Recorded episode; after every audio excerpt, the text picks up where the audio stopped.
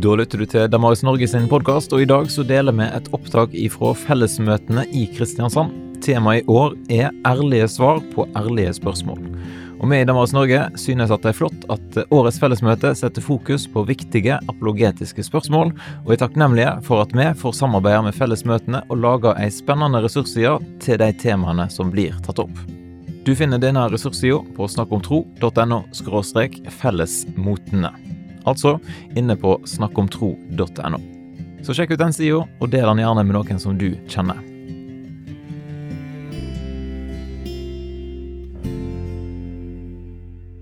Temaet for talen i dag er Er det ikke intolerant å si at Jesus er den eneste veien til Gud? Og svaret på det er nei. Så hvis du sovner underveis eller faller litt utfor i dine egne tanker, så vet du svaret allerede nå. Heldigvis så er det litt mer å si til spørsmålet enn det. Eh, og Jeg kommer til å dele tallene i to. Først kommer jeg til å si noe om er det sant at Jesus er den eneste veien til Gud, og hva innebærer det? Og det andre er at hvis det er sant, eh, er det da intolerant å si at Jesus er den eneste veien til Gud? Og Jeg kommer til å ta utgangspunkt i bibelverset fra Johannes 14, 14,6, der Jesus sier om seg sjøl 'Jeg er veien, sannheten og livet'. Ingen kommer til Faderen uten ved meg. Noen ganger så bruker vi uttrykket 'alle veier fører til Rom'. Og det, Da ønsker vi å si at det er flere måter eh, å komme til et mål på, og det er flere veier dit. Men hva betyr det når Jesus sier om seg sjøl at han er den eneste veien til Gud? Noen av de viktigste utsagn som Jesus kommer med i Bibelen, det kommer som svar Eh, på spørsmål som Jesu venner og etterfølgere stilte ham. Det er ikke noen motsetning mellom å være Jesu etterfølger og disippel og å stille spørsmål om hva Jesu budskap betyr. For Jesu budskap er egentlig helt motsatt av det mange av oss gjør når vi hver nyttår tenker ut våre nyttårsforsetter. Vi vil gjerne bli tynnere, sprekere, ha bedre tid til ditt og datt, og streve for å oppnå våre mål. Jesus møter oss mennesker der vi er, ikke der vi ønsker vi skulle være. Hvis du tviler, så er det i godt selskap med disippelen Thomas. Er du stor i ord og liker å proklamere for både Gud og mennesker hvor sterk din tro er, ligner du disippelen Peter. Lurer du på om Jesus virkelig er Guds sønn, så ligner du disippelen Philip. Og lurer du på hvorfor sykdom og død skjer hvis Gud er allmektig, ligner du Jesu venner og etterfølgere Martha og Maria. Når Jesus var på slutten av sitt jordiske liv, så hadde han flere samtaler med sine venner og disipler som hadde spørsmål til ham. Og jeg kommer til å vise at det er flere utsagn eh, som er Jesus svar på, på vennenes spørsmål. Og Hvis du har lyst til å lese eh, litt mer i Bibelen etter denne talen, eh, som utfyller litt mer, så oppfordrer jeg deg til å gå hjem og lese Johannes 11, kapittel 11 og Johannes kapittel 14. Etter at Judas har forlatt måltidet med Jesus og disiplene og gått ut for å forråde Jesus, så sier Jesus til disiplene at han, Jesus, skal nå gå et sted som disiplene ikke kan komme. Og da spør Jesus, spør Peter, 'Herre, hvor går du hen?' Og så svarer Jesus, 'La ikke hjertet bli grepet av angst. Tro på Gud og tro på meg. I min fars hus er det mange rom. Var det ikke slik, hadde jeg sagt at jeg går og vil gjøre i stand et sted for dere. Jesus forteller disiplene at han må gå en vei disiplene ikke kan gå, og det er at han må gjennom lidelse og død før han kan gjenforenes med sin far. Og gjøre i, stand, i stand et sted for sine etterfølgere. Det fins en himmel, Peter, sier Jesus. Vi vet ikke hvordan, mye om hvordan det er i himmelen, men vi vet noe om hva som ikke er der. Det skal ikke være sult, det skal ikke være sorg, det skal ikke være sykdom, det skal ikke være nød, og det skal ikke være død. Jesus sier at det er mange rom i himmelen. Det er en plass i himmelen til alle som Jesus har frelst. Mennesker fra alle nasjoner. Mennesker med alle tungemål og alle slags mennesker. Heldigvis er det ikke du og jeg som skal bestemme hvem som skal komme til himmelen. For det er kun Gud som kjenner menneskers hjerter. Det er en eh, vits eller fortelling som er brukt Jeg har hørt den brukt om lutheranere, pinsevenner. Jeg kan jo bruke den om misjonsforbundere nå, da, siden jeg er misjonsforbundet. Men det er iallfall om Sankt Peter som fører en, en som nylig kom til himmelen. Eh, rundt i himmelen og viser alle de rommene. Og så er det ett rom, så sier han her må du gå stille forbi. Eh, hvorfor det? Jo, for her er alle misjonsforbundene. De tror det er bare de som er her. Og eh, Vi kan le av det, men egentlig så er det noen ganger sånn at vi som er kristne, faktisk er røffest mot hverandre og mot våre trossøsken. Eh, vi er så opptatt av tror de andre egentlig det som er helt rett. Forstår de Gud på samme måte som meg? Eh, nå viser disse fellesmøtene at vi kan heldigvis stå sammen på tvers.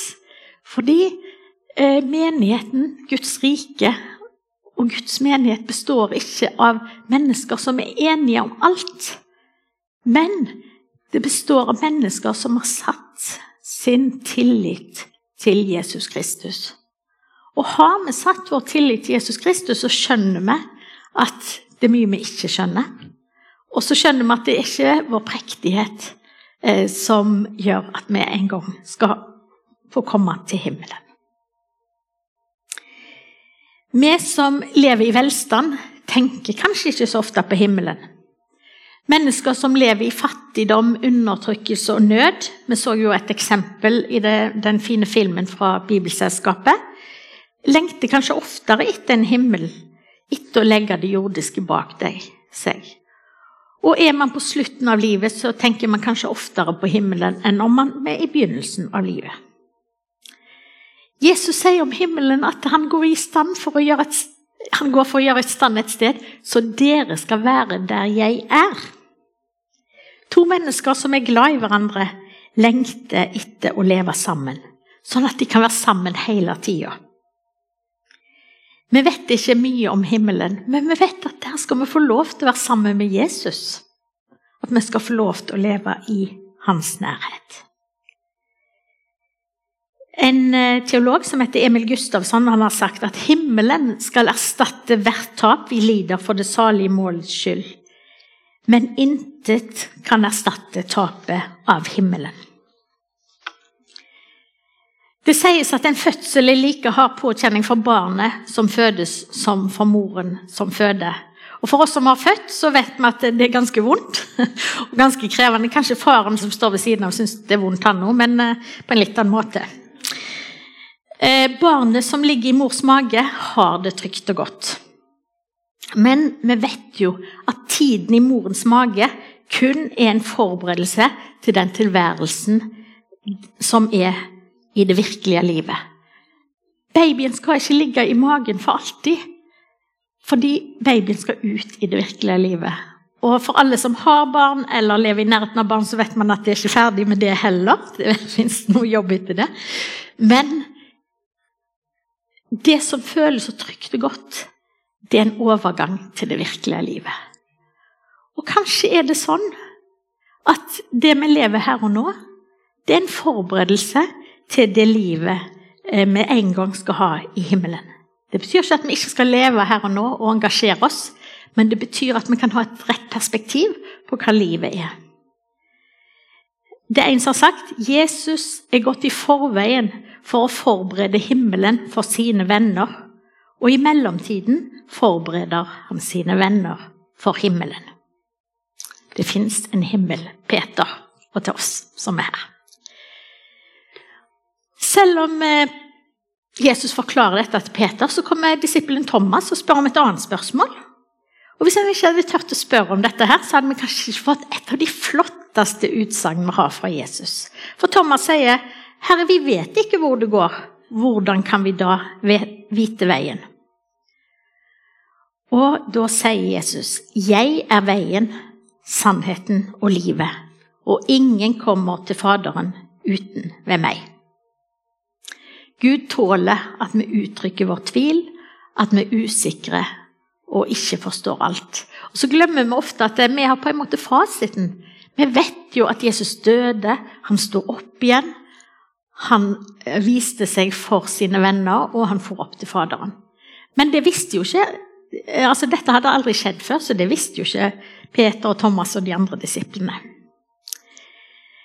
Men Jesus sier da til Thomas du trenger ikke å bekymre deg for hvordan du skal komme til himmelen. Det eneste du trenger, er å komme til meg. Jesus er ikke bare selve målet for vår vandring, han er veien som vi går på. Han er ikke en sannhet blant mange andre. Han er den eneste som er sannheten, og som også kan vise oss sannheten om oss sjøl og om Gud.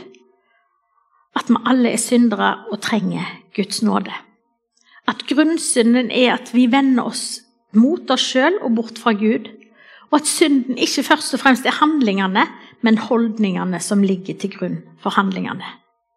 Jesus er selve livet. Det står i apostelens gjerninger at det er han, i ham vi lever, beveger seg til. Tenk på det når du står opp en morgen og tenker at det, det er i Jesus jeg lever, beveger meg og er til. Det blir en bra dag. Og i Johannes 17,3 så står det dette er det evige liv, at de kjenner deg og Han du utsendte, Jesus Kristus. For den som etterfølger Jesus, så er det evige liv allerede begynt. Vekkelsespredikanten Frank Mangs han hadde som sitt viktigste budskap at kristendom er liv. Det var kjernen i hans forkynnelse. Det hender at vi forveksler kristendom med prektighet eller en borgerlig moral. Vi setter opp noen regler, vi følger de, og hvis vi klarer å følge de, så oppfatter vi oss som gode kristne. Men Jesus er livet. Han sprenger alle grenser, og livet kommer innenfra. Når jeg var 17 år, så eh, reiste jeg til USA som utvekslingsstudent.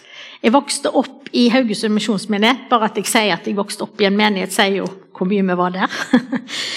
Men eh, eh, der var det sånn at eh, eh, når vi kom til møtene, og kanskje etterpå, så sto det ofte en del eh, og røykte utenfor menigheten. Ikke, altså utenfor lokalet. men alkohol, det var strengt forbudt. Når jeg kom til USA, så kom jeg til en luthersk menighet, og der var det eh, strengt forbudt å røyke. Men alkohol var helt ok. Så allerede som 17-åring så møtte jeg litt den der helt i praksis at det, her er det litt forskjellig hva vi ser som de viktigste syndene. Og ofte de viktigste syndene, eller ikke viktigste, kanskje feil, men å si de største syndene, da, det er synder som andre gjør, og ikke jeg sjøl. Eh, når vi var ungdom da, i menigheten, så så vi at eh, noen hadde Mercedes i menigheten. Og noen hadde pelskåper. Det syntes vi var veldig syndig. Det hadde jo ikke vi. Og eh, de som var eldre, de syntes at vi sang all, spilte altfor høy musikk. Og sikkert hadde for mye sminke. Eh, og vi gikk på kino. Jeg har ei eh, tidligere venninne, for nå er hun død. men Hun var mye eldre enn meg, men hun var likevel ei venninne. Hun sa at når hun var ung, og det var eh, under vekkelsen så var hun blitt invitert til å se på teater på Nationaltheatret i Oslo. Og Da ba hun alvorlig før hun gikk, gikk der og sa kjære Jesus, hvis du kommer i kveld, så er jeg på Nationaltheatret. Vi glemmer at det som skiller oss fra Gud, ikke er enkelthandlinger, og spesielt ikke at vår oppgave ikke er å peke på noen andre, men Gud lyser på oss. Og så vil han vise oss hva er det som er mellom meg og Gud, som skiller meg fra Gud. Og da tror jeg egentlig at vi alle bare kan falle på våre knær og si at Gud, vær meg synder nådig. Og hvis man setter den uendelige avstanden som skiller oss fra Gud, så ser vi også hvor mye vi trenger Jesus. Jesus er ikke en luksus ekstra venn som vi trenger nå da, men han er selve grunnlaget for livet. Han er veien, han er sannheten og livet. Karsten Isaksen han skrev at eh, kristne noen ganger kan framstå som strile, korrekte, antiseptiske mennesker som aldri sier eller gjør noe galt. Og han kaller det 'den hjemmeværende sønns etikk'. Og Da sier Karsten Isaksen han sa ikke noe galt, men han gjorde ikke noe rett. Eller noe godt heller. Han gjorde en god figur, men Jesus ønsker ikke at vi skal gjøre en god figur. Han ønsker at vi skal være levende mennesker. At vi seirer iblant, men noen ganger går vi også på nederlag. Og da kan vi komme til Gud med det. Hvis vi ser det på den måten, så har vi på en måte alle nok med oss sjøl og har ikke tid til å peke på det vi syns er andres feilsteg.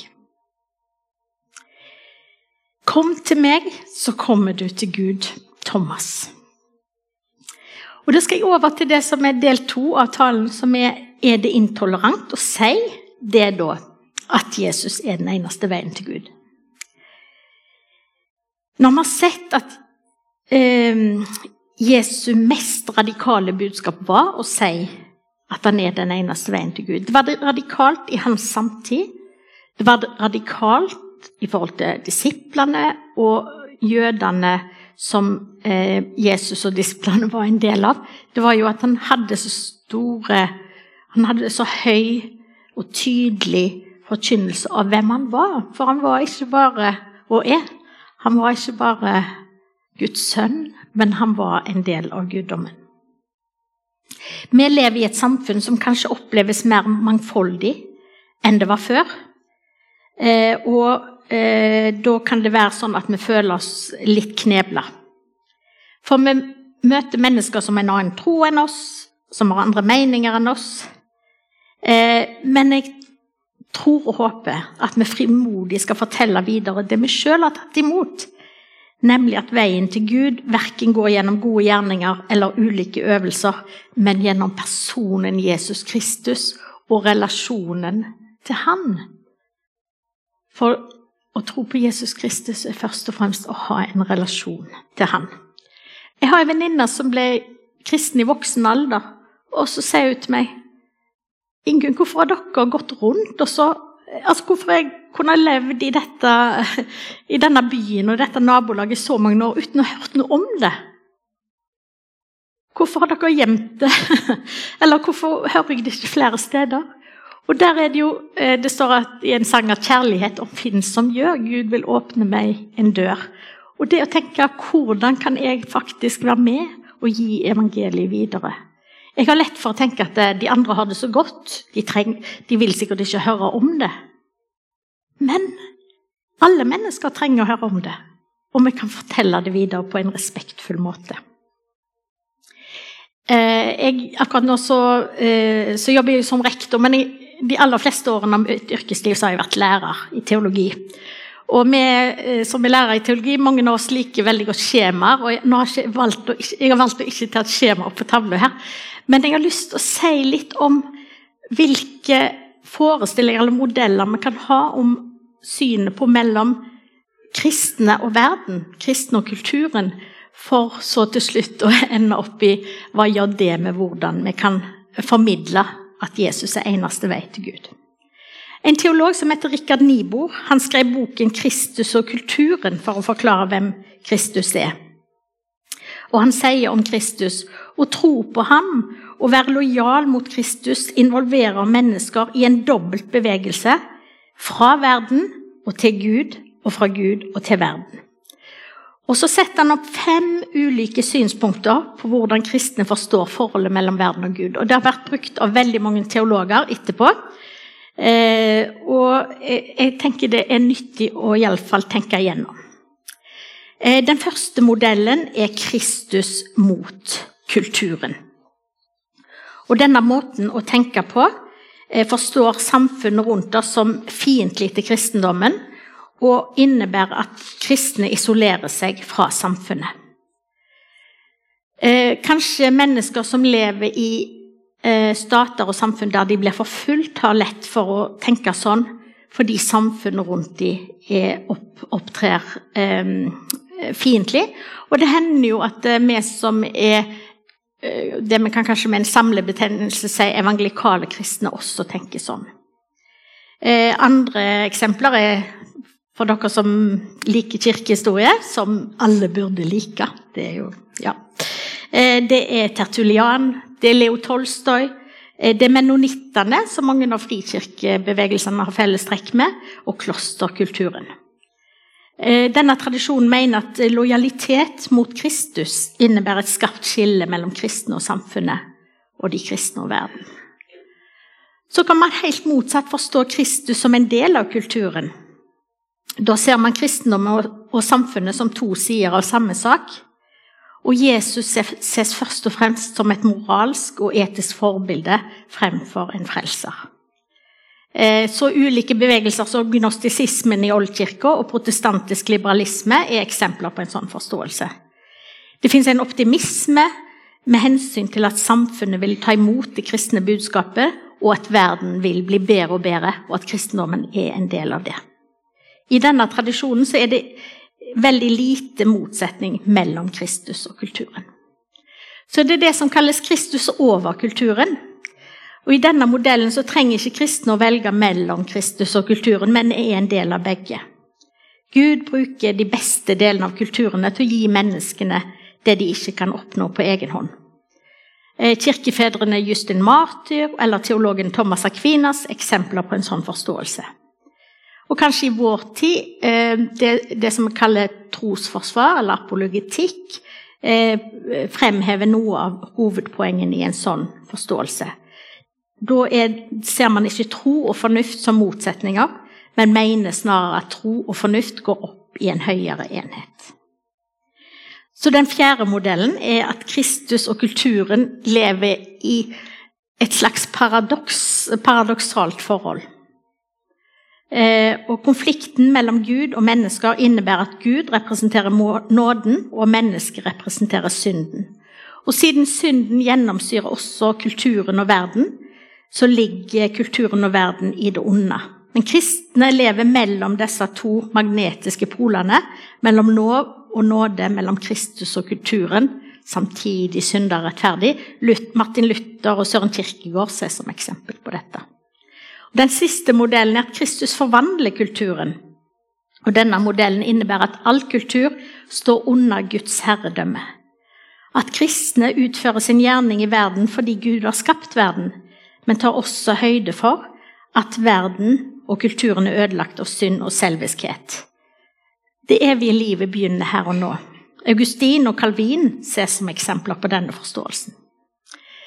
Når jeg har dratt dere gjennom disse modellene, så er det ikke for å si at man, vel, man må velge det ene og det andre, og det mente heller ikke Nibo. Eh, man har sikkert forståelse fra flere av disse elementene. Livet går jo aldri opp i et sånt skjema, selv om noen av oss er glad i sånne skjema. Men det påvirker hvordan vi formidler sannheten om at Jesus er den eneste veien til Gud. Når vi skal fortelle andre om at vi tror at Jesus er den eneste veien til Gud, så kan vi knytte an til der de befinner seg, ut fra forståelsen av at Kristus er til stede i vår verden og vår kultur, og at det ikke er en total motsetning mellom Kristus og kulturen. Selve inkarnasjonen, dette at Gud ble menneske gjennom Jesus Kristus, innebærer jo at Gud valgte å komme til menneskene der de var, i en bestemt tid og på et bestemt sted. Og allikevel hører ikke Kristus til et bestemt eh, sted eller en bestemt tid, for han taler til oss i dag. Når Jesus møter mennesker, møter han, han de der de er, med, der de var, og med den forståelsen de hadde, og så viste han de noe enda større. Derfor kan vi møte alle mennesker med respekt og forståelse. og vi kan formidle Kristus til de menneskene vi møter, sånn at han kan gi de sin lys, sin lys og sin nåde, sånn som han har gitt til oss. Vi tror at alle mennesker trenger Kristus, men vi tror ikke at Kristus tvinger seg på noen. Nettopp fordi Jesus elsker menneskene, så ønsker han ikke å tvinge dem til å elske seg, men han ønsker å komme til alle mennesker i møte som venner seg til han. Alle veier fører til Rom, sier vi. Når vi skal forklare at det kan være mange veier for å komme til samme mål. Men Jesus sier at det fins kun én vei til Gud, og det er han. Han er selve veien, sannheten og livet. Det er ikke intolerant å hevde at Kristus er den eneste veien til Gud, men opp gjennom historien så fins det mange eksempler på at kristne har ønska å tvinge mennesker til å tro, eller har presentert budskapet på en intolerant måte. Når vi følger vår mester, vil vi møte mennesker sånn som Jesus møtte dem, full av nåde og sannhet. Jeg er veien, sannheten og livet. Ingen kommer til Faderen uten ved meg. Dette er livlinjen Gud har sendt oss mennesker, sånn at vi kan få samfunn med ham. Helt til slutt skal jeg ta dere med inn i ei saltbøsse. Jeg har ikke tatt dem med meg, men hvis vi kan forestille oss at nå sitter vi inn i ei saltbøsse, alle sammen. Og så hører vi på saltkorn som snakker sammen. Og jeg syns hele greia er tåpelig. Tja, hvis vi hadde vært flere saltkorn her, men nå, i den store suppegryta, legger man ikke merke til oss i det hele tatt. Etter min mening kan ikke det være vår oppgave. Vent nå litt, sa et gammelt saltkorn. Naturligvis, i forhold til de store grønnsakene i suppa, er vi temmelig små, men i oss har vi jo nok kraft til å gi hele suppen smak. Må jeg også være med? spurte et beskjedent saltkorn engstelig. Jeg våger ikke. Jeg har heller lyst til å bli her i den sikre saltbøssa. Det er vel ikke meg det kommer an på? Snikksnakk, avbrøt det eldre saltkornet. Du er ikke her for å kose deg i saltbøssa og føre hypersaltsamtaler med andre saltkorn. Du skal salte, det er din oppgave. Ikke så hissig, ropte en bakfra. Ville det ikke rekke å sende en av oss ut i suppen som en slags representant? Å ja, en som føler seg kallet. Nå svirret forslag og ideer frem og tilbake som tennisballer. Hvorfor kommer forresten ikke suppen hit inn i saltbøssen? Ja, selvfølgelig, alle er velkomne her hos oss. De liker jo pepper bedre i alle fall, og suppen er jo så forferdelig våt. Våre møtetider står jo i avisen. Jeg er fremdeles for at vi sender en eller annen som har lært, lær, studert læren om å salte, vi som vanlige saltkorn. Stille, brølte et av saltkornene oppbrakt. Hør på meg, vi kommer jo ingen vei på denne måten. Ett saltkorn vil dere sende når kraften for oss alle er nødvendig. Og hvis dere vil vente til suppen renner ned i saltbøssen vår, da må dere vente til verdens ende. Husk på vårt oppdrag. Vi skulle salte. Har dere glemt det? Hvorfor er vi ellers her? Og mens de tidde forlegent, følte de alle hvordan saltbøssen ble løftet opp. Alle som hadde sett sin oppgave, lot seg falle. Det ble en god suppe. Amen.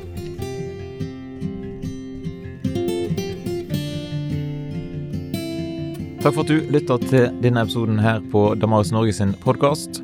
Ønsker du å jobbe mer med spørsmålene som blir tatt opp på fellesmøtene, ja, da kan du sjekke ut snakkomtro.no fellesmotene. Der finner du mange ressurser til hvert enkelt tema i ulike format, som podkast, bøker, videoer og artikler.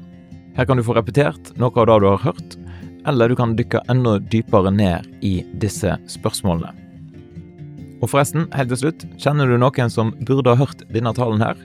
Da har jeg lyst til å oppfordre deg til å ta kontakt med dem og del denne episoden med deg.